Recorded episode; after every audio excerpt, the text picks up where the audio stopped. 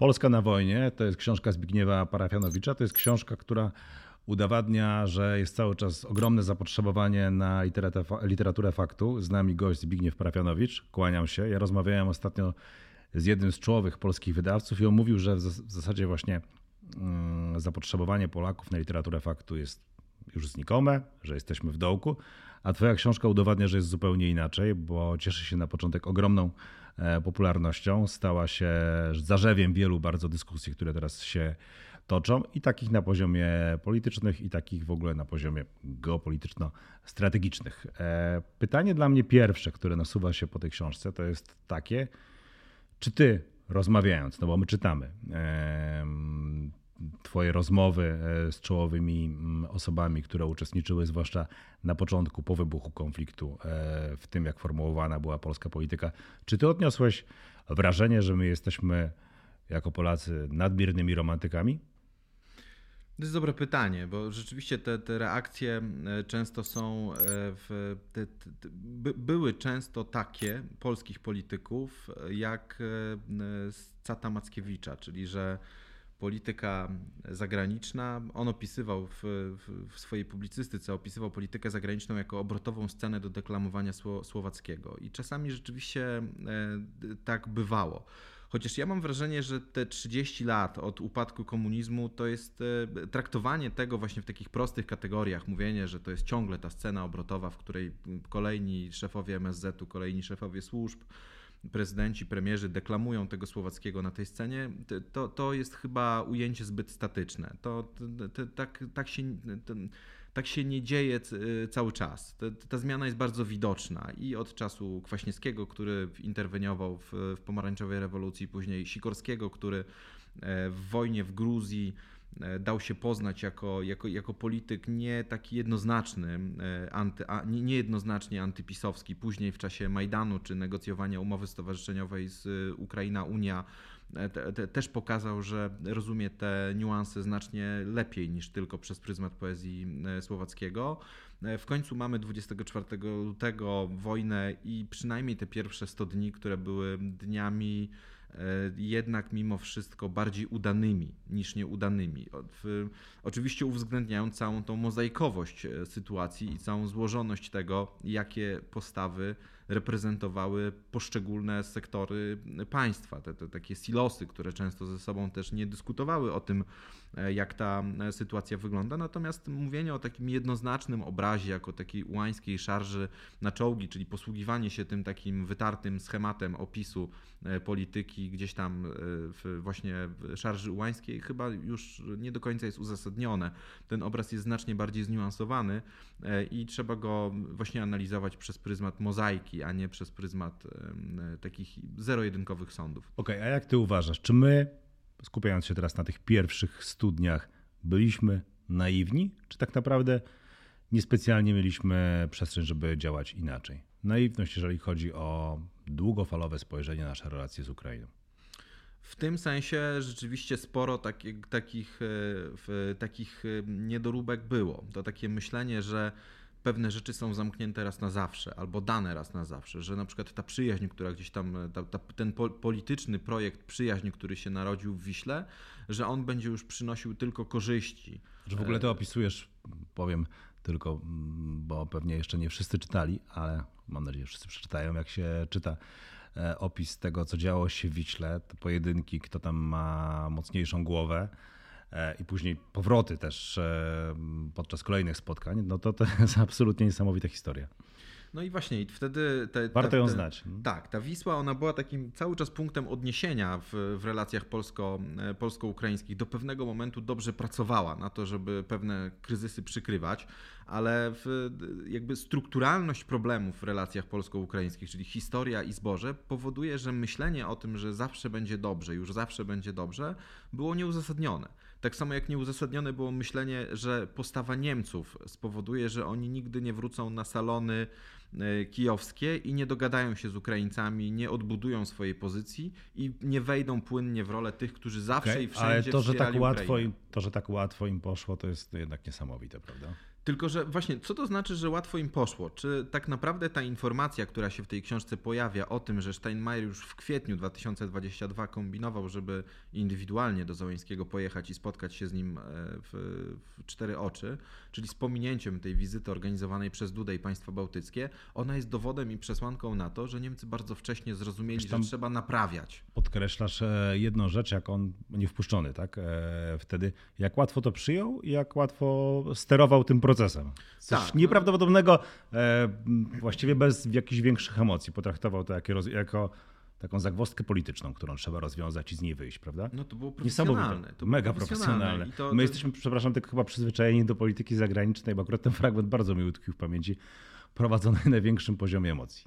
To prawda, chociaż ja też z tego pierwszego etapu wojny, to co się często powtarzało w tych e, rozmowach polityków e, na temat relacji z Ukrainą, e, szczególnie polskich polityków na temat relacji z Ukrainą, to była ta taka zasada, że przynajmniej staramy się nie wyciągać e, sporów na zewnątrz, ich nie eksponować, żeby je tam próbować wygaszać pod, pod, dywanem e, i załatwiać te sprawy pod dywanem. Natomiast Steinmeier jako, e, jako polityk, no to jest profesjonalista w tym sensie, że on politykę wschodnią w zasadzie kształtuje od 20 lat. To jest polityk, który był gdzieś tam obok Schrödera. Schrödera oczywiście radykalnie krytykowanego w, w Polsce i w Europie Środkowej, ale też na Ukrainie. No ale w gruncie rzeczy z perspektywy niemieckiej ten model polityki wschodniej, który wytworzył Steinmeier razem ze Schröderem, on dla Niemiec był korzystny. On z naszej perspektywy wydaje się błędny i jest błędny. To oczywiste, że Niemcy obniżali bezpieczeństwo Europy Środkowej, a finalnie porozumienia niemiecko-rosyjskie doprowadziły do wojny. W jakiej perspektywie widzenia... czasowej spojrzysz na, no na czy był korzystny dla Niemiec? No, do momentu, dopóki Niemcy otrzymywali tani gaz e, z Rosji, to był model korzystny. Okej, okay, pozwalało... okay, korzystny, ale nie krótkowzroczny jednak? krótkowzroczny. No, ta, ta, ta, wiara w to, że powtarzana wiara w, w, to, że Rosję da się e, do, jakby spowodować, że ona zacznie przestrzegać zachodnich reguł gry, bo handlujemy z Rosją i narzucamy jej te reguły gry, narzucimy jej obyczajowość. Generalnie wolny rynek załatwi wszystko. Wolny rynek załatwi wszystko, a nasze ustawy czy nasze umowy międzynarodowe spowodują, że Rosja będzie przewidywalnym partnerem, no to okazało się naiwne, bo Rosja, e, ta, ta, ta, to spojrzenie polskie o tym, że Rosja patrzy mapą na rzeczywistość, czyli jej rozszerzaniem, e, powrotem do granic przed upadku ZSRR i należy te słowa Putina traktować dosłownie, to co, to co on mówi czy pisze w swoich artykułach, no ta diagnoza była znacznie bardziej trafna. No niemniej jednak Niemcy przez 20 lat zapewnili sobie e, pozycję mocarstwa gospodarczego i państwa, które miało tani gaz i poprzez tani gaz taniej wytwarzało PKB i było bardziej konkurencyjne w stosunku do reszty Europy i mogło Europie wiele rozwiązań narzucać. Także z tej perspektywy te dwie dekady były po prostu e, dla Niemiec korzystne. Naszym kosztem, kosztem Europy Środkowej i Ukrainy. Dwa ciekawe wątki akurat, e, że tak powiem, w tym zagadnieniu. Jedno to jest to, że rzeczywiście E, chyba nie byliśmy przyzwyczajeni do tego, że to, co czasami pisze w oficjalnych dokumentach Putin, trzeba potraktować na poważnie. E, chyba nikt tego nie brał pod uwagę, no bo przecież on na Ukrainie pisał od dawna. E, I, i to mm, myślę, że zostało absolutnie zlekceważone. A dwa, to jest, jeżeli już mówimy o zrozumieniu Rosji, mm, w ogóle naszych też partnerów na wschodzie, to ty piszesz o kapitalnych rzeczach, to znaczy takich, że zupełnie inaczej coś, co jak napisałeś, to już teraz mi się wydaje oczywiste, ale wcześniej o tym tak nie myślałem, że po prostu z, z Ukraińcami też trzeba inaczej e, rozmawiać, tak? Że trzeba prowadzić inną dyplomację, że trzeba czasami nimi wstrząsnąć, że nie można sobie pozwolić, to chyba dwa razy się pojawia w książce w różnych miejscach, pozwolić na jakieś tam heheszki, tak? Bo oni wtedy zdominują e, absolutnie niesamowicie. I teraz na ile polska strona na początku wojny zdawała sobie z tego sprawę? że z Ukraińcami się, nie wiem, nie negocjuje tak jak, no przepraszam, negocjuje się, nie wiem, właśnie z Anglikami. No, te pierwsze 100 dni to był jeszcze okres, w którym w zasadzie te kategorie nie obowiązywały. To myślenie o tym, że trzeba od nich czegoś wymagać, czy nimi wstrząsać, E, bo wystarczająco wstrząsała nimi strona rosyjska, żeby w, w, chodzi, chodziło o, e, bardziej o walkę o przetrwanie tego państwa, a nie o. Może tak, że na początku, później. Tak, mhm. Ale później rzeczywiście to, to porzucono. To, to, to, to, to jest taki moment, w którym w, gdzieś tam powiedzmy po spotkaniu w, w, w Lwowie Zełańskiego z Dudą, czyli po tych deklaracjach dotyczących, leop, dotyczących leopardów, nie pomyślano o tym, jak tą sytuację zacząć keszować, krótko mówiąc, czyli jak, jak spowodować, żeby to było dla Polski przynosiło wymierne rezultaty. Potem była kwestia e, rozmów o historii, czyli a w zasadzie braku rozmów ze strony polskiej, braku definiowania tego, jak my postrzegamy to, jak ta kwestia powinna zostać rozwiązana.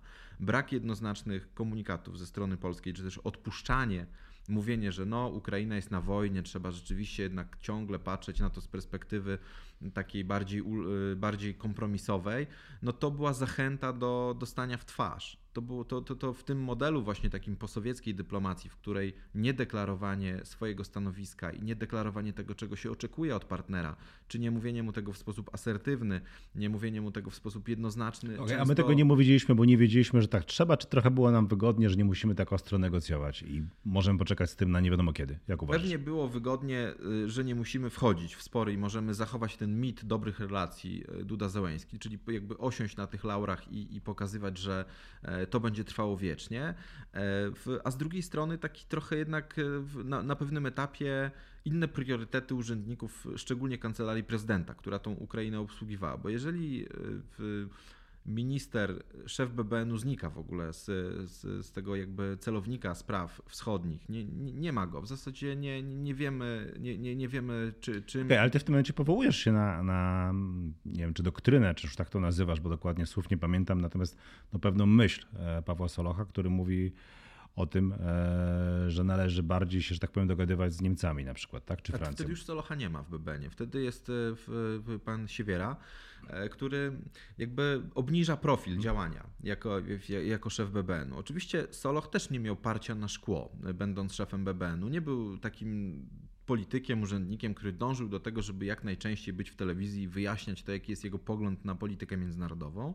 No niemniej jednak ta jego myśl o tym, że należy tą pozycję Polski urealnić i spowodować, żebyśmy się stali takim sekretariatem spraw wschodnich, a nie państwem wagi Wielkiej Brytanii czy, e, czy Niemiec, bo nim nie jesteśmy obiektywnie. Mhm. I to, to jakby właściwa ocena miejsca, w którym jest Polska, pozwala lepiej wykorzystać potencjał, który mamy, a nie udawać, że gramy powyżej e, wagi, w której e, boksujemy.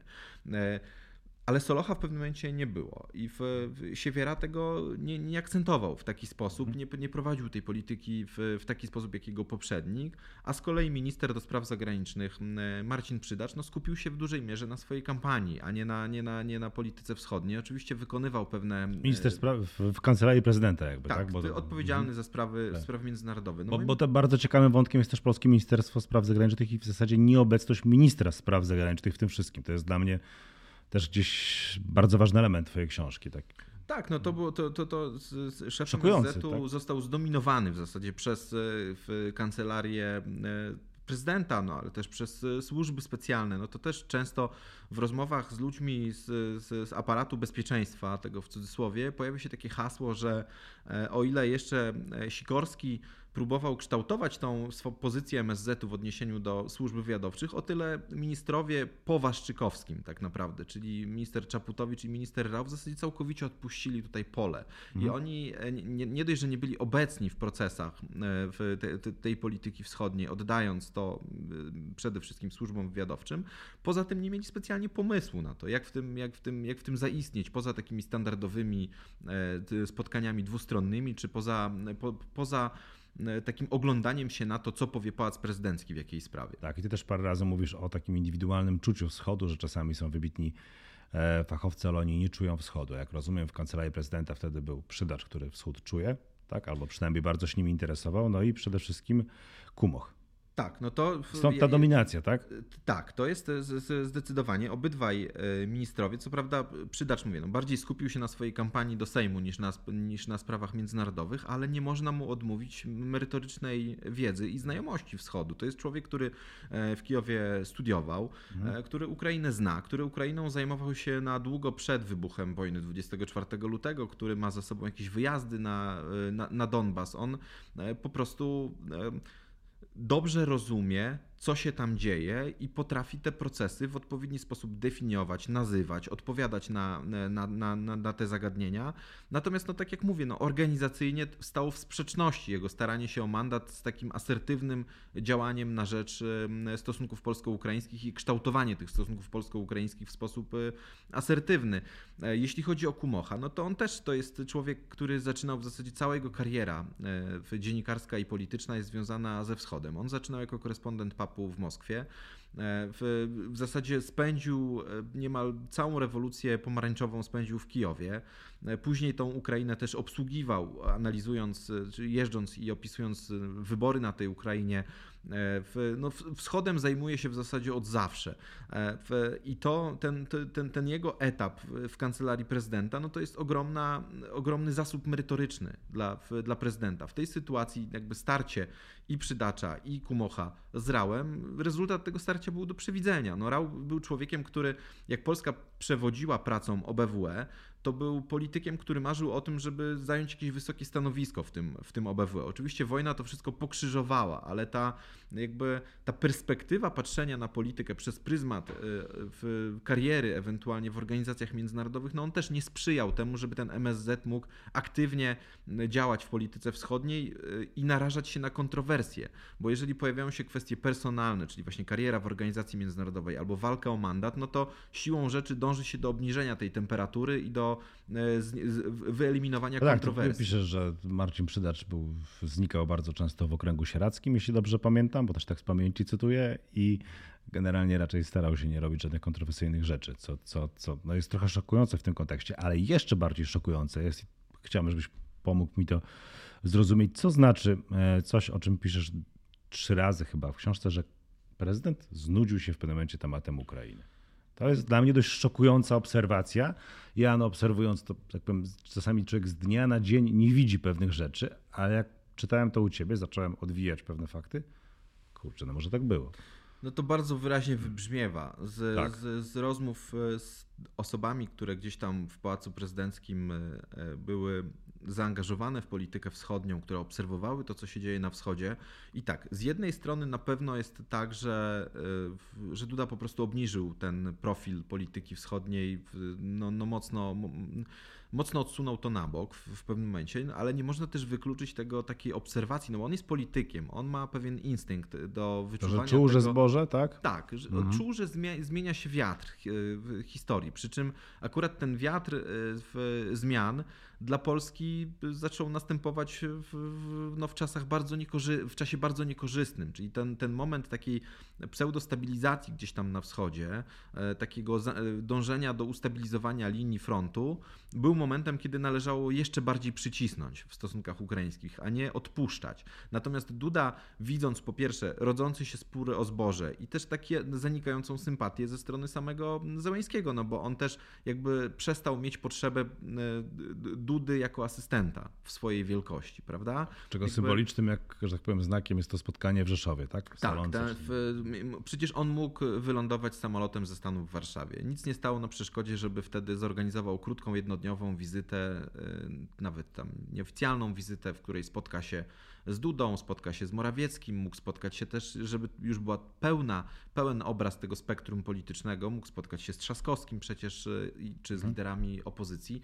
Nie zrobił tego. Spotkał się przelotem na godzinę czy półtorej w, w, Jasionce co jednak było takim w, do dużym despektem pod, pod adresem polskiego prezydenta, który dużo zainwestował w te relacje polsko-ukraińskie. I Duda jako polityk, bo Duda żeby wygrywać wybory, też musi pewne sprawy wyczuwać, w, w mhm. trendy, które są, które się wokół niego dzieją.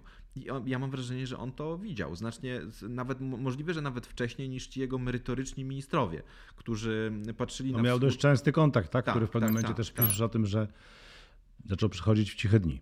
Tak, no. Z prezydentem Załęskim oczywiście. Tak, tak, to wyglądało. No, ten przewodów był taką kropką nad i. To było takie postawienie e, w, sprawy może nie tyle na ostrzu noża, no ale taka też konfuzja po stronie polskiej, dlaczego facet, który e, nie ma żadnych kart e, dobrych w ręku na temat tego incydentu, mówi takie rzeczy. Dlaczego tak długo się upiera? No tak, ale znów komplikujesz od razu wyjaśnienie tej sytuacji, dlatego że mówisz o tym, że jednak być może Ukraińcy widzieli jednak coś na radarach i może rzeczywiście ten Załęski wcale nie tak, jak nam się wtedy wydawało w pierwszych dniach no mówiąc wprost, kłamał, że może wcale nie kłamał, że naprawdę myślał, że to nie jest ukraińska rakieta, tak? No i tu też właśnie wchodzimy w tą taką, e, w taki trochę fersztejeryzm polityków, mhm. ale ciężko nie próbować zrozumieć ich motywów działania, bo ja, ja jestem w stanie e, jakby uwzględnić taką sytuację, którą opisuje chyba jeden z, z moich rozmówców, że przychodzi do niego sztab wojskowych, którzy go szczerze i uczciwie zapewniają, że to jest rakieta rosyjska, że oni wszystko mają na radarach, że oni wszystko wiedzą, widzieli, wszystko rozumieją i są w stanie a że to Polska, bo to jest domyślnie wybrzmiewa w twojej książce,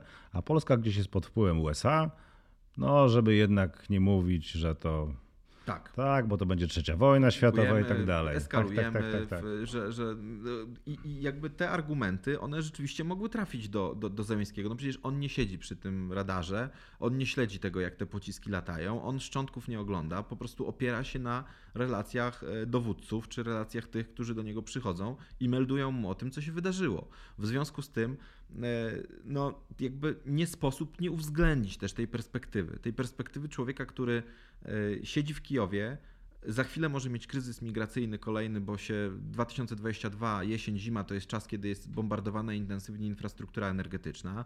Przynoszą mu te dane. Dodatkowo jest ta pokusa ze strony Załęskiego, żeby ten, próbować ten konflikt umiędzynarodowić, bo tu nie chodzi o to, że wybuchłaby trzecia wojna światowa, jak Polska by uznała, że to jest rosyjska rakieta, ale umiędzynarodowienie tego konfliktu powoduje, że można spróbować wciągnąć NATO na przykład do ochrony części nieba ukraińskiego.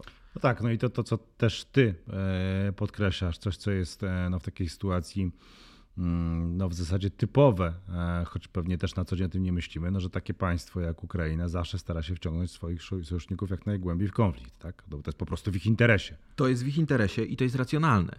I to jest jakby ten sam paradygmat można było obserwować e, we wrześniu tego roku, jak Rosjanie zerwali porozumienia, lustrzane porozumienia zbożowe dotyczące tranzytu przez Morze Czarne okrętami zboża na, w, w świat. E, Ukraińcy bardzo usilnie pracowali nad tym, żeby wciągnąć NATO do ochrony konwojów, które te zboże że transportują. Z prostego powodu, jeżeli któryś z okrętów natowskich zostałby ostrzelany, byłoby jakieś zagrożenie pod adresem e, tego okrętu natowskiego, to siłą rzeczy problem zboża się umiędzynarodawia i wciągnięta w to zostałaby e, flota natowska, natowskie siły, co jest z punktu widzenia e, Ukrainy korzystne. To samo było jak niedaleko portu w Reni na Dunaju spadły resztki szachedów rosyjskich, czyli jakby to był już moment, kiedy kiedy Ukraińcy Dunajem e, przeprawiali swoje zboże e, w świat e, i też było bardzo wyraźnie widać, że oni po tym jak te szachedy spadały, natychmiast meldowali światu, że część tych szachedów, resztki szachedów spadły na teren Rumunii i z sugestią, że to jest ten moment, kiedy problem należy umiędzynarodowić. Co więcej, w przypadku Rumunii wtedy mówili prawdę, bo też Rumunii na początku zaprzeczali, ale po dwóch czy trzech dniach przyznali, że rzeczywiście znaleźli szczątki szachedów e, po swojej części e, delty Dunaju. Polska tego nie mogła przyznać, że to jest rosyjska rakieta, bo to po prostu nie była rosyjska rakieta. Ona trafiła rzeczywiście, świadkowie niezależnie od siebie potwierdzają, że te szczątki badane, bo ona, ta, ta rakieta trafiła do Lublina, e, do jednostki wojskowej, gdzie była badana przez służby i polskie, i e, amerykańskie. Częściowy dostęp do informacji mieli też Ukraińcy przy badaniu tego problemu. E, to była rakieta ukraińska, ukraińskiej obrony tak, ale powietrznej. Ty też piszesz, że dość łatwo udało nam się przekonać do tego Francuzów, Niemców, a generalnie mamy z tym problemy na co dzień a nie udawało nam się przekonać Ukraińców. To co w takim razie z tą przyjaźnią i zaufaniem? W zasadzie od początku, patrząc na tą przyjaźń e, Zełęskiego i Dudy, można było tam pewne takie nuty reżyserowania tej przyjaźni e, zobaczyć. I to jest e, Siłą rzeczy państwa, które ze sobą graniczą i mają systemowo skomplikowane relacje, takie jak Polska i Ukraina, na tle historycznym, na tle zboża, często też w kwestii właśnie bezpieczeństwa, czyli postrzegania tego, co e, jest konfliktem już międzynarodowym, a co nie jest. Siłą rzeczy e, no, ta przyjaźń, nawet jeżeli rzeczywiście ona przez pewien czas była, nie wystarczy do tego, żeby przykrywać te spory.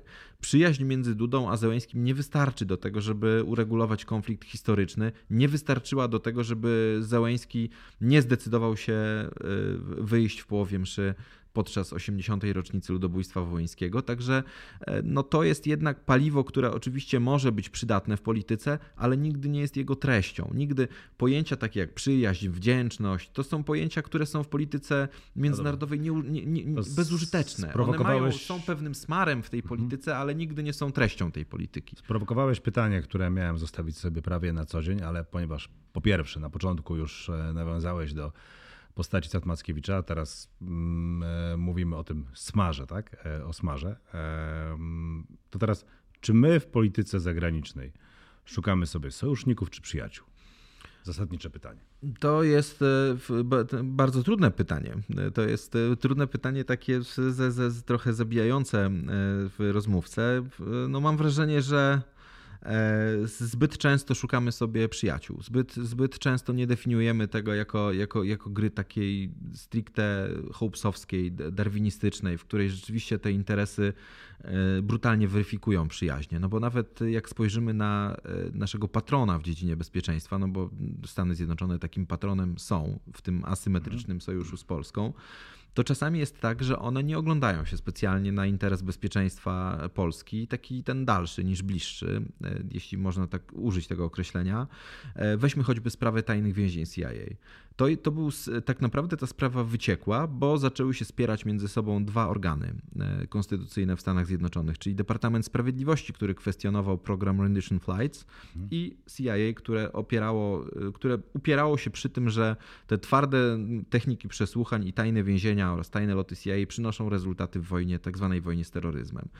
Substratem tego wszystkiego był przeciek do prasy, który naraził Polskę na ogromne konsekwencje międzynarodowe, czyli cała ta sprawa tajnych więzień na Mazurach, czy w ogóle w Europie Środkowej, powodowała, że e, sojusznik był po prostu pewnym przedmiotem gry. Nie był podmiotowy w tym, w tym, co się zadziało. Podobnie było z dzieleniem tortu e, irackiego, chociaż tutaj też można by dopatrywać się. No, że braku... my jednak e, tak totalnie przespaliśmy temat. No właśnie, Irak, Irak przespaliśmy, ale to są takie e, sytuacje, w których wart, z których warto wyciągać wnioski. Jeżeli ma, mamy. To, to, znów to nie wyciągnęliśmy, zdaje się, wniosków. No, nie wyciągnęliśmy, co bo to więcej. też z Twojej książki wynika, tak. jeżeli chodzi o plany na odbudowę Ukrainy. E, w momencie, kiedy piszesz o tym, że ktoś nam zaproponował Donbas, tak? No, tam no, znaczy to była pomyłka w ogóle. To, to, to, to, była pomyłka rzeczywiście, ale taka dość groźna, taka, która. No, znaczy symboliczna pomyłka, tak? Symboliczna i głupia by było, gdyby została utrwalona mocno gdzieś tam w głowach, no bo mhm. przecież Don, Donbas, y, Ługańsk, Donieck to są raczej miejsca ostatnie na liście do odbicia y, przez siły y, ukraińskie. Tam chodziło oczywiście o Chrakowszczyznę. To była mhm. gruba pomyłka i przykra. Natomiast jeśli chodzi o te wyciąganie wniosków, no to wystarczy spojrzeć na to, jak było przygotowywane lotnisko, te, które miało zostać hubem w czasie wojny wojny w, napaść, po napaści Rosji na Ukrainę. W tym pierwszym etapie Amerykanie sami niemalże dokonywali inspekcji miejsc, w których chcieliby taki hub mieć. To jest e, jednak mimo wszystko kuriozalne. Po doświadczeniach z tajnymi więzieniami, nawet wielki sojusznik i ważny, którego cenimy i który na pewno nas nigdy nie zawiedzie, powinien być obstawiony masą ludzi z SKW, ze wszystkich możliwych służb, które patrzą im na ręce, co robią, czego szukają, jakich argumentów używają przy poszukiwaniu takiego hubu, to jest naturalne, to jest, to jest abecadło. Ja sobie nie, te asymetryczne sojusze, one są cechą charakterystyczną w takiej świata, w którym Stany Zjednoczone są centrum siły, bo i sojuszem asymetrycznym jest sojusz z Tajwanem i z Koreą Południową i z Izraelem, tylko no, pytanie, czy w tym sojuszu asymetrycznym po prostu właściwie się pełni swoją rolę i właściwie w sposób wystarczająco asertywny e, stawia granice e, tego, co jest właściwe, a co nie. Mam wrażenie, że czasami to, ta, ta granica stawiana jest e, niewłaściwie. Okay, jedno to jest stawianie granic, a drugie to jest to, czy to, że my stawiamy granice, widzą nasi sojusznicy i w ogóle widzi świat. I ty też w pewnym momencie upatrujesz dużą, duży wpływ na zmianę postawy Ukraińców w tym, że oni widzą, jak bardzo my jesteśmy zależni od USA. No oni też są zależni. To, tak? to jest tak. To jest, rozgryzają. rozgryzają. To, to jest y, rzeczywiście sytuacja dość zabawna, no bo z jednej strony oni to wykorzystują, tak jak ta rozmowa w Kijowie po upadku y, pocisków przewodowych, kiedy dochodzi do kłótni ambasadora Cichockiego, takiej małej kłótni ambasadora Cichockiego z Jermakiem, w której y, Jermak sugeruje właśnie, że my chodzimy na pasku Amerykanów i że to z tego, że to nie jest zbyt rozsądne. Tak, ambasador Cichocki właściwie Stawia reaguje, się. Tak, tak? on właściwie się. Mhm. reaguje. No, to jest też dyplomata, który zęby zje na Ukrainie i na wschodzie w ogóle i wydaje mi się, że to jest w Polsce Na człowiek, chwilę- który wie najwięcej. Na O. chwilę jakby zatrzymajmy się, bo ja generalnie staram się nie sprowadzać twojej książki do anegdot, które w niej są, dlatego że wszyscy to robią. Chciałem z tobą poważnie porozmawiać o tym wszystkim, co tam czytam. Natomiast anegdota o tym, że bombardowanym w zasadzie, tak, Kijowie ambasador Cichocki jakby siedzi sobie i ogląda mecze Legii jest jakby kapitalna. No tak to, było. był, to, to był tylko taki trend. Tak, tak, tak było. Rzeczywiście to jest e, też znany, e, jest znany nie, nie tylko z tego, że jest profesjonalistą i że jest najprawdopodobniej jedną z najlepiej poinformowanych osób w państwie polskim na temat tego, jak wygląda polityka ukraińska, jak wyglądają relacje z elitami ukraińskimi, ale jest to też wielki fan e, Legii Warszawa, który rzeczywiście, dla którego bardzo istotnym elementem jego przebywania w Kijowie w owym czasie było śledzenie po prostu, śledzenie tego, co się w jego ulubionym klubie e, dzieje i tego, w, w jak, jak, jak, jak to wygląda. Natomiast też, e, no, prawda. Cichocki rzeczywiście, e, w ogóle jego te kontakty te, te, z tego pierwszego etapu wojny, to była ta sytuacja, w której to u, wielcy Ukraińscy do niego przychodzili do ambasady, żeby rozmawiać o sprawach. To, to, było, to, to była sytuacja, w której do niego przychodził osobiście Reznikow do ambasady, żeby, żeby, żeby, żeby gadać o, e, o sprawach. E, I rzeczywiście bra, brakuje. E, Treść polskiej polityki zagranicznej byłaby bardziej stężona korzystnie dla Polski, gdyby takich ludzi jak Cichocki było w tej polityce więcej. Takich, e, którzy rozumieją strukturalnie i systemowo e, tą politykę. E, I e, to jest, to, to jest na pewno dyplomata, no, w zasadzie wysokiej rangi dyplomata, bo on był wiceszefem MSZ-u w pewnym momencie. To jest na pewno dyplomata, który w, który w odpowiedni sposób definiuje tą asertywność i to, kiedy trzeba ją okazać w stosunkach z partnerami. To teraz po tej dygresji wracamy do tej asertywności ambasadora w czasie tego spotkania. E, No, Który- on Mhm. powiedział w dość, w, dość ciężkich słowach, że nie życzy sobie tego, żeby mówiono w taki sposób o politykach państwa polskiego. Poprosił o w, w, odwagę e, Jermaka i żeby wskazał, o kogo mu właściwie chodzi, krytykując e, polską stronę. I No i to było kluczowe, bo to ucinało te heheszki właśnie. To takie próbę wybadania przez stronę ukraińską, na ile mogą wejść polskiej delegacji na głowę, na ile mogą spowodować, żeby oni się poczuli zawstydzeni, żeby zaczęli się tłumaczyć z tego, dlaczego współpracują z Amerykanami. No, jakby takie oczekiwanie Ukraińców, że, że, że Cichocki czy ktokolwiek z polskiej delegacji będzie im się tłumaczył z tego, dlaczego współpracujemy z Amerykanami, jest do pewnego stopnia nawet żenujące. Bo przecież Ukraina jest państwem, które w pełni zależy od amunicji i broni amerykańskiej. Także używanie tego argumentu, że my tu współpracujemy ściśle z Amerykanami w dziedzinie bezpieczeństwa, było no nie tylko niezrozumiałe z takiego czysto merytorycznego punktu widzenia, ale też po prostu no, wysoce obraźliwe. Słuchaj, e, jest mi też e, właściwie, nie wiem czy smutno to jest dobre słowo, e, natomiast no, jestem trochę zaniepokojony tym, co piszesz o naszych relacjach z Komisją Europejską, tak bardzo mocno upraszczając z Europą. Jak się czyta Twoją książkę, to ja nie mam takiego poczucia, że to są nasi sojusznicy, że my w ogóle nie wiem, jakoś super współpracujemy. Właściwie to jak się czyta Twoją książkę, to można wywnioskować, że tam jest po prostu tylko agenda niemiecka i my mamy jeszcze jeden problem na każdym kroku, cokolwiek chcemy zrobić, prawda? Właśnie, czy z Komisją Europejską, czy, czy, czy no mówiąc najogólniej po prostu z tą, z tą e, Europą. I teraz powiedz mi, czy to jest jakby cecha ówczesnych rządów PiSu, czy to jest jakby fundamentalnie wplecione w każdą próbę konstrukcji na nowo polskich relacji ze wschodem? O, tak. Ta sprzeczność jest y, obiektywna. Różnica interesów pomiędzy dużymi graczami w Europie a Polską w wielu, wielu zagadnieniach, które dotyczą wschodu. Natomiast problemem PiSu jest to, że on głównie eksponował tą sprzeczność w relacjach z Zachodem, nie szukając y, porozumienia, nie, nie urealniając tych stosunków, nie szukając możliwości działania. Chociaż z drugiej strony w takich sytuacjach y, muszą być dwie strony, które chcą ze sobą współpracować. Ja mam wątpliwości, czy Niemcy chcieli współpracować y, z rządem, y, polskim rządem prawicy w kwestii polityki wschodniej. Można odnieść To wrażenie. jest sytuacja, przepraszam, nadzwyczajna, tak? No, mamy wojnę. Ja rozumiem, że oni nie chcieli Tak. współpracować z rządem PiSu, no ale na litość boską, no okej, no taki był rząd, mamy wojnę, Okej. tak, wykuwamy przyszłość, e, no, nie chcę tam przesadzić z górnolotnością, no ale jednak w chwili wojny, no żadne słowa nie są przesadą, tak? No okej, i na tyle, na ile było trzeba pragmatycznie skorzystać z usług rządu e, polskiego, to korzystano. No, z tego powodu między innymi jedną z też z takich informacji z wydarzeń nieopisywanych szeroko w, w prasie jest sytuacja wywożenia pracowników BND z Kijowa przez, przez polskich dyplomatów, przez polskich mhm. pracowników polskiego wywiadu. To jakby z takich usług Niemcy korzystali ochoczo. Steinmeier chciał skorzystać bardzo z tego wyjazdu do Kijowa wtedy w kwietniu razem z Dudą. Ostatecznie nie wsiadł do pociągu, ale wtedy, tak jak już wspominałem, nie informował Dudy, że Mm, że e, sam organizuje sobie taką wizytę indywidualnie. E, z jednej strony była ta techniczna współpraca z Polską na rzecz jakby e, Ukrainy, rozpoczęta dość późno, też to trzeba bardzo wyraźnie zaznaczyć, a z drugiej strony cel strategiczny, czyli dążenie do tego, żeby wyprzeć Polskę z, z roli takiego środkowoeuropejskiego lidera tej pomocy i jakby takiego głównego twórcę narracji na temat Ukrainy. Niemcy są państwem położonym w środku Europy z ambicjami pełnienia roli przywódczej, takiego federatora, nie? czyli przywódcy federacji. I chodzi o to, żeby zdobyć ten moralny mandat do tego, żeby tą, tą federacją kierować. A tego mandatu moralnego nie da się zdobyć, będąc nie po, po niewłaściwej stronie historii. Dlatego Niemcy musieli zrobić wszystko, żeby po właściwej stronie historii się znaleźć.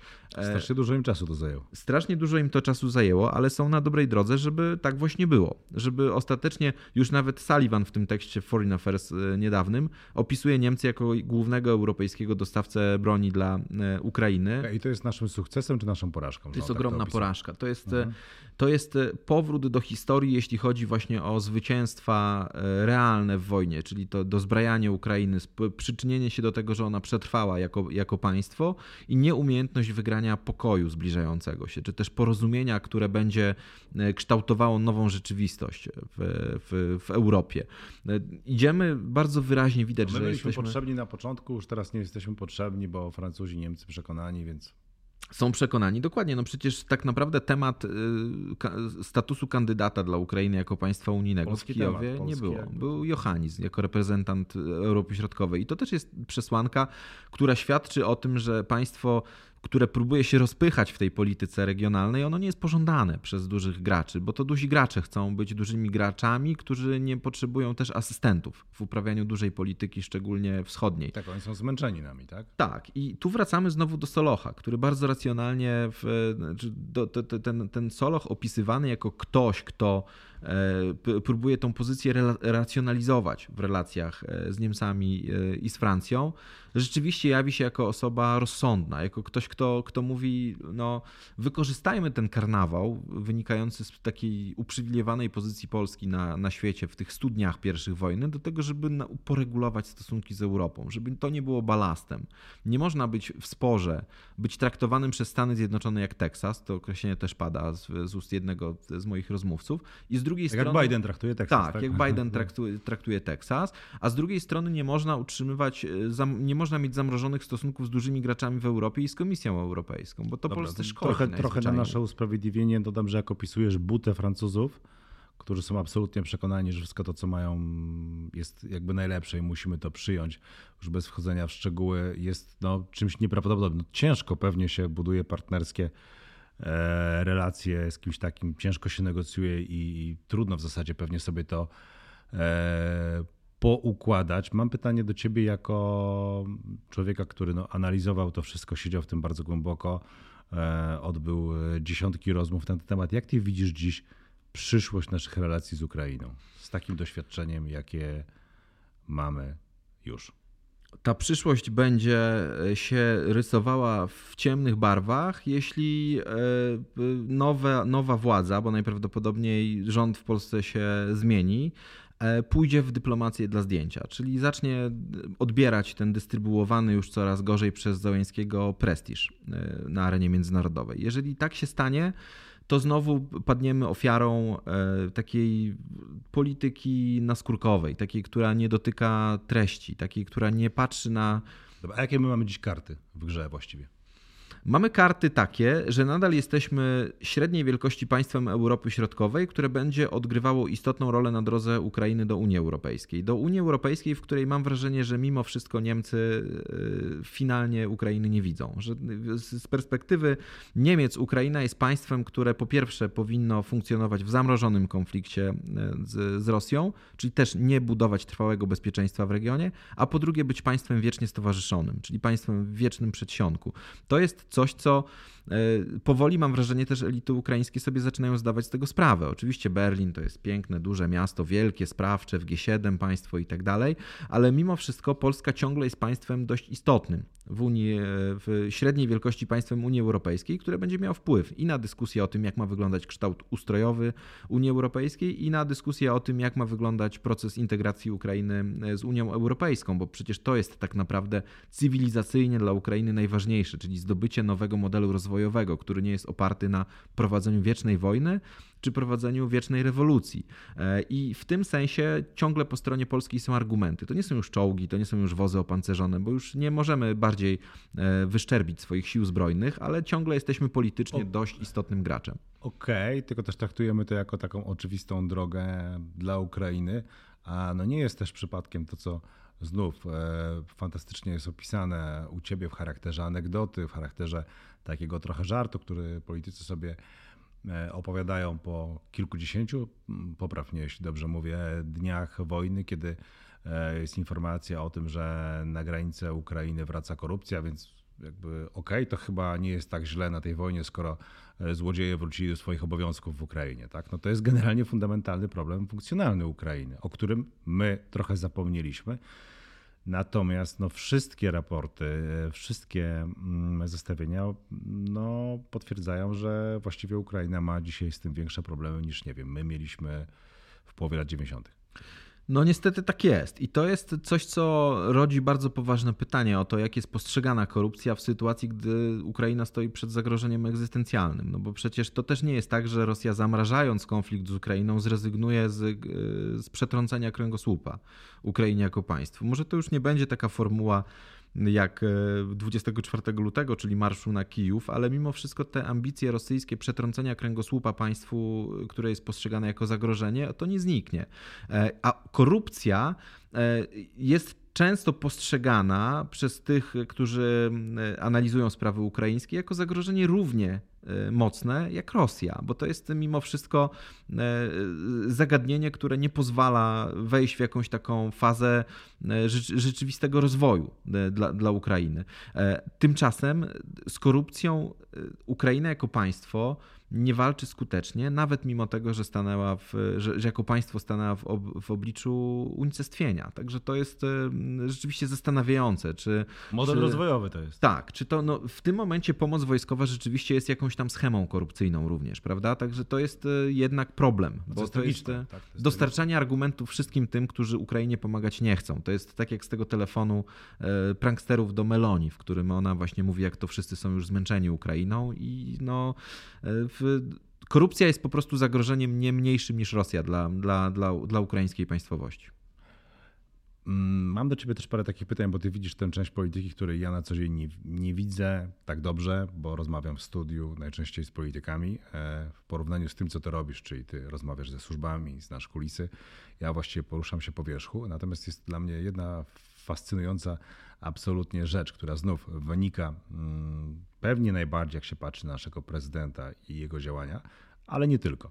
Jakby przebłyski geniuszu wręcz, bo możemy chyba tak powiedzieć w tych mm, pierwszych e, dniach i, niektórych działaniach Pałacu Prezydenckiego, e, pomieszane z absolutnie naiwnością pięciolatków. Jak to jest możliwe, że można w zasadzie w obrębie jednych negocjacji wykazać się takim sprytem i taką naiwnością? Jak to jest możliwe, że można być tak dalekowzrocznym, zapominając o tym, co czeka nas za chwilę? Znaczy, jednocześnie, to wszystko jest jednocześnie. Tak, jest jednocześnie, no, w, z, z, prostego powodu. Polska jest tak naprawdę państwem, które buduje swoje te mięśnie administracyjne, biurokratyczne od trzech dekad. I jak na warunki, w których funkcjonuje po upadku komunizmu, to i tak osiągnęliśmy już jakiś poziom rozwoju, który jest, pozwala czasami nawet, momentami pozwala być nawet dumnym z tego, co się, co, co się w tej polityce dzieje, obserwując decyzje podejmowane przez poszczególnych decydentów. Natomiast mimo wszystko ciągle jesteśmy demokracją na dorobku, państwem na dorobku takim urzędniczym, państwowym, takim, które zwalcza te kolejne e, obszary tupolewizmu, który gdzieś tam funkcjonuje w tym państwie. E, I no ciężko... Wspomnę, że tupolewizm to jest pojęcie, które ty wymyśliłeś i sprzedałeś, prawda? Tak, udało mi się taki, taki termin stworzyć po powrocie z, z Po głośnej publikacji w Dzienniku Gazecie Prawnej. Tak tylko przypominam. tak było, rzeczywiście. I to, to zjawisko oczywiście nie zniknęło, ale na przykład jak obserwuję nawet tą kwestię dotyczącą transportu VIP-ów, no to mimo wszystko... E, Zostało to chyba nieźle poskładane. Nieźle uregulowane. Po no. pierwsze, e, kupiono w końcu e, nowe samoloty, które i stworzono z nich pierwszą bazę lotnictwa transportowego, która zastąpiła 36 pułk specjalny stworzono nowe procedury, nową instrukcję HED, która jest znacznie bardziej racjonalna w stosunku do tych przepisów, które były e, do tej pory. Oczywiście kupno tych samolotów było kontrowersyjne, bo przyjęto specjalną ustawę, bez przetargu je kupiono na mocy e, takiego nadzwyczajnego prawa, no ale to pokazuje, że państwo polskie może się zmieniać. Tak samo jak w czasach e, Platformy rola Sikorskiego w negocjowaniu umowy stowarzyszeniowej Ukraina-Unia i to takie zrozumienie, że trzeba brać to, co jest realne do wzięcia. Czyli jeżeli NATO jest nierealne po szczycie NATO w Bukareszcie w 2008, to bierzmy to, co jest realne, czyli zbliżajmy w tym przedsionku Ukrainę do, e, do Zachodu. Także to pokazuje, że te pewne obszary takiego e, działania systemowego, które dobrze definiuje problem, w, w Polsce istnieją i jest ich w w gruncie rzeczy, niezależnie od barw politycznych, e, bywa, że jest ich coraz więcej, chociaż e, no tak jak e, wspomniałeś, jest rzeczywiście tych rozczarowujących momentów jest aż nadto okay, dużo. Tak, ale ja też Ci bardzo dziękuję, że Ty pozwalasz nam być czasami w tej książce dumnym z, z Polski, że bardzo łatwo byłoby na podstawie tych wszystkich informacji, które ty masz, e, napisać książkę, gdzie się śmiejemy z tego, że jakieś tam miny wypadają z samochodu, z transportem. I generalnie mm, ja bardzo dużo, e, zanim przeczytałem twoją książkę, już o niej słyszałem i słyszałem wszystko, tylko te, wszystkie tylko te, te, te historie. A potem czytając tę książkę, bardzo mi się spodobało, że ty pokazujesz tę, tę drugą stronę, że to nie jest tylko to, w co często popadają publicyści, że E, wynotują sobie kilka takich epizodów i o, no, jesteśmy najgorsi o Boże. To jest e, przede wszystkim pokazanie, jak bardzo to wszystko jest skomplikowane. O, I żeby było jeszcze e, to wszystko trudniejsze, chciałem Ciebie zapytać o rolę w tym wszystkim przypadku. I teraz tak, jest dużo momentów w książce, gdzie propos Wołynia, tak? Ktoś nie pomyślał o tym, że władze w Rzeszowie czy generalnie w regionie mogą inaczej podchodzić na przykład do kwestii upamiętnienia pewnych rzeczy i tablic.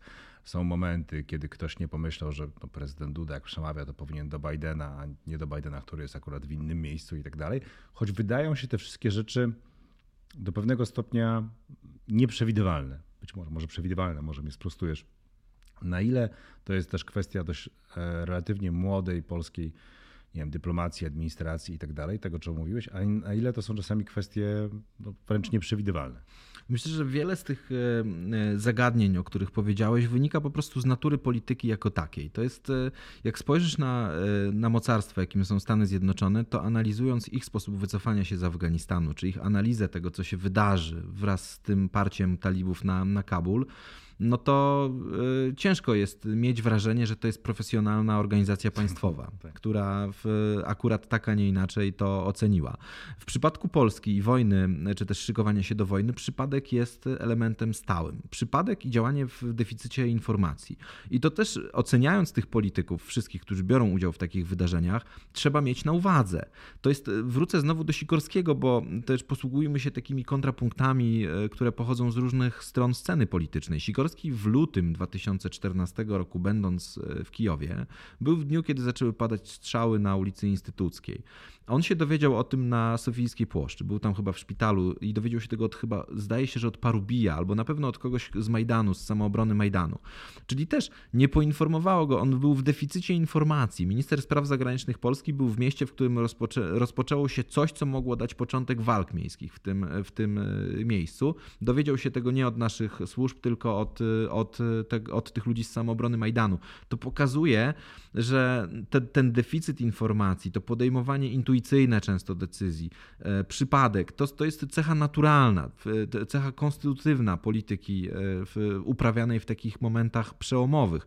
A jeśli chodzi o to poczucie, e, te momenty wielkości, które tam są, no to wystarczy wrócić do tego wspomnianego już Cichockiego, przecież on w tym Kijowie został. Nie, został e, z własnej woli, e, siedział w tej ambasadzie, oglądał te mecze, załatwiał sprawy, e, nie wiedząc tak naprawdę, co się, co się wydarzy, bo przecież... Tak, my trochę zapominamy o tej grozie tych Oczywiście, tych Trzeba z perspektywy czasu absolutnie. Mhm. możemy sobie myśleć, że o, Kijów pierwszego, drugiego dnia przecież tam nic się w zasadzie nie, nie stało, doszli no... tylko na przedmieścia. Okej, okay, ale wszyscy na świecie myśleli, że będzie inaczej. No tak? zgadza się, ja tak. pamiętam, że w, jak siedzieliśmy w tych pierwszych dniach z Marcinem Wyrwałem w, w Kijowie, to zakładaliśmy, że do dojdzie do walk miejskich, no, że, że, że, że, w końcu będziemy świadkami rzezi na ulicach, e, rzeźni na ulicach e, Kijowa. Taki był czas i ten, ten Cichocki jako przedstawiciel państwa, niezmuszany przez nikogo, zostaje, wykonuje tam robotę i wykonuje ją dobrze, pod, pod presją, pod, e, pod, pod ostrzałem, ma, ma, do, musi zajmować się zagadnieniami, które kto wie, czy go nie przerastają jako, jako urzędnika i jako człowieka, a mimo wszystko jakoś sobie z tym wszystkim e, radzi. I to jest rzeczywiście taki e, ten element optymizmu, który gdzieś tam z tego wszystkiego wybrzmiewa, on powinien być e, jasny, bo to, to ta polityka nie była tylko w Friend in Dick, tym w słynnym, co też jest opisywane też, w książce. To jest też niesamowity fragment Twojej książki. Dużo tych niesamowitych, no ale trudno. Po prostu takie miałem poczucie, jak to czytałem że jednak coś, co było traktowane jako niezbyt dobrą wizytę Kamali Harris, która chyba nie do końca była zbriefowana, nie do końca była mm, przygotowana, nie do końca wzięła tych doradców, których powinna wziąć na tę wizytę i to było oczywiste chyba dla całego świata.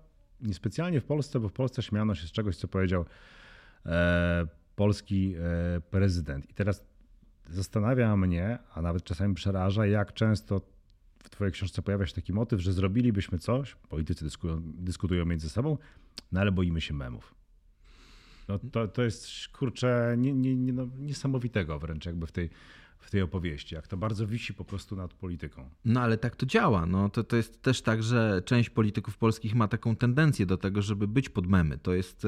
E, I oni to sobie sprawa, zdają sobie tak? z tego sprawę. E, I, I też jakby memy i w ogóle ta taka obrazkowa polityka, te takie skojarzenia, proste, proste myśli, no to, stało się, to stało się też treścią polityki. Od tego nie można abstrahować. No, nikt nie zagłębia się e, w wielostronicowe analizy biur, poszczególnych biur służb wywiadowczych czy MSZ-ów żeby, żeby, żeby, żeby przy... zrozumieć, zrozumieć kwestię. Okay. No, memy są bardzo istotnym elementem polityki w tym momencie. Ja nie wiem, czy to jest tak, że po prostu e, tego nie ma w książce, bo, bo, te, właśnie, bo tego nie ma, czy to, to, to po prostu e, ty pisałeś trochę na inny temat i w to nie wchodziłeś, bo nie widzę tam specjalnie takich fragmentów, gdy dyplomaci, politycy, z którymi e, rozmawiasz, mówią o tym, że na przykład posiłkowali się nie wiem, jakimiś raportami think tanków, że, że, że to, to, że tego nie ma w tej książce, to znaczy, że oni nie sięgają po to, czy po prostu trochę piszesz na inny temat, więc już nie zagłębiałeś się w to, bo to jest dla mnie bardzo ciekawe, na ile oni, mm, wiesz, w takich sytuacjach postępowali intuicyjnie,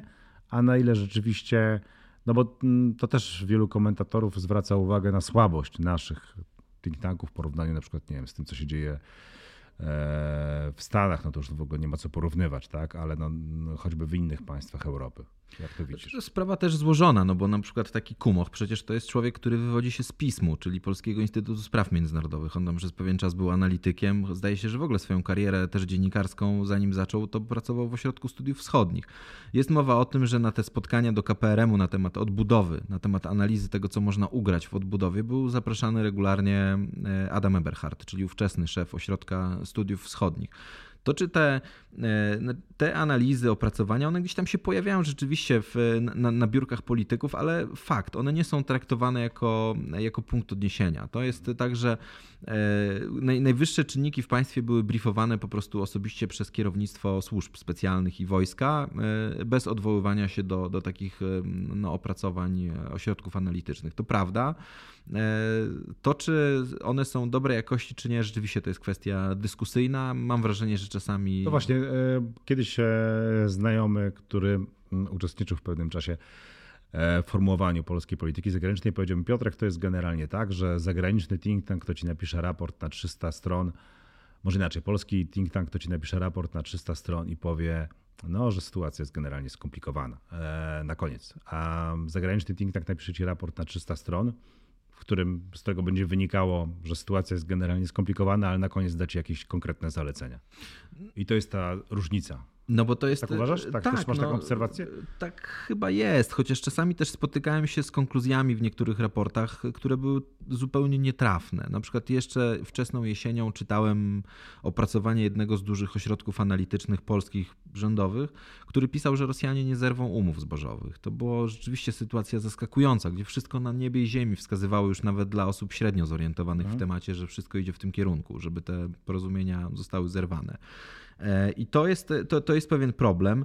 A poza tym, no, generalnie e, też ta, ta polska analityka ma często bardzo wyraźnie czuć, że nie jest skłonna do wzięcia odpowiedzialności za konkluzje i za rekomendacje. Właśnie tak, za to, tak, żeby, to, to, no może, żeby nie tłumaczyć się z tego, że był nietrafny. zmierzyć tak. z weryfikacją te, to prawda. tego. Tak? To rzeczywistość, szczególnie taka wojenna, ona przecież momentalnie weryfikuje postawione tezy i momentalnie wskazuje na to, czy ktoś się pomylił, czy, czy nie. Dziękuję bardzo za tę rozmowę. Dziękuję Ci bardzo za książkę. To jest taka książka, jeszcze raz ją pokażę, która pokazuje na dobrą sprawę, po przeczytaniu jej świat się staje jeszcze bardziej skomplikowany, wszystko staje się e, dla mnie przynajmniej jeszcze trudniejsze, gdy odświeżam sobie niektóre historie, one wydają mi się o wiele bardziej wielopłaszczyznowe niż były, mm, gdy słyszałem o nich w cudzysłowie oczywiście na żywo. Zbigniew Parafianowicz, Polska na wojnie. Bardzo polecam e, tę książkę i bardzo dziękuję Ci też z powodów, o których mówiłem w czasie rozmowy za jej napisanie. Dziękuję. Dziękuję. Thank you.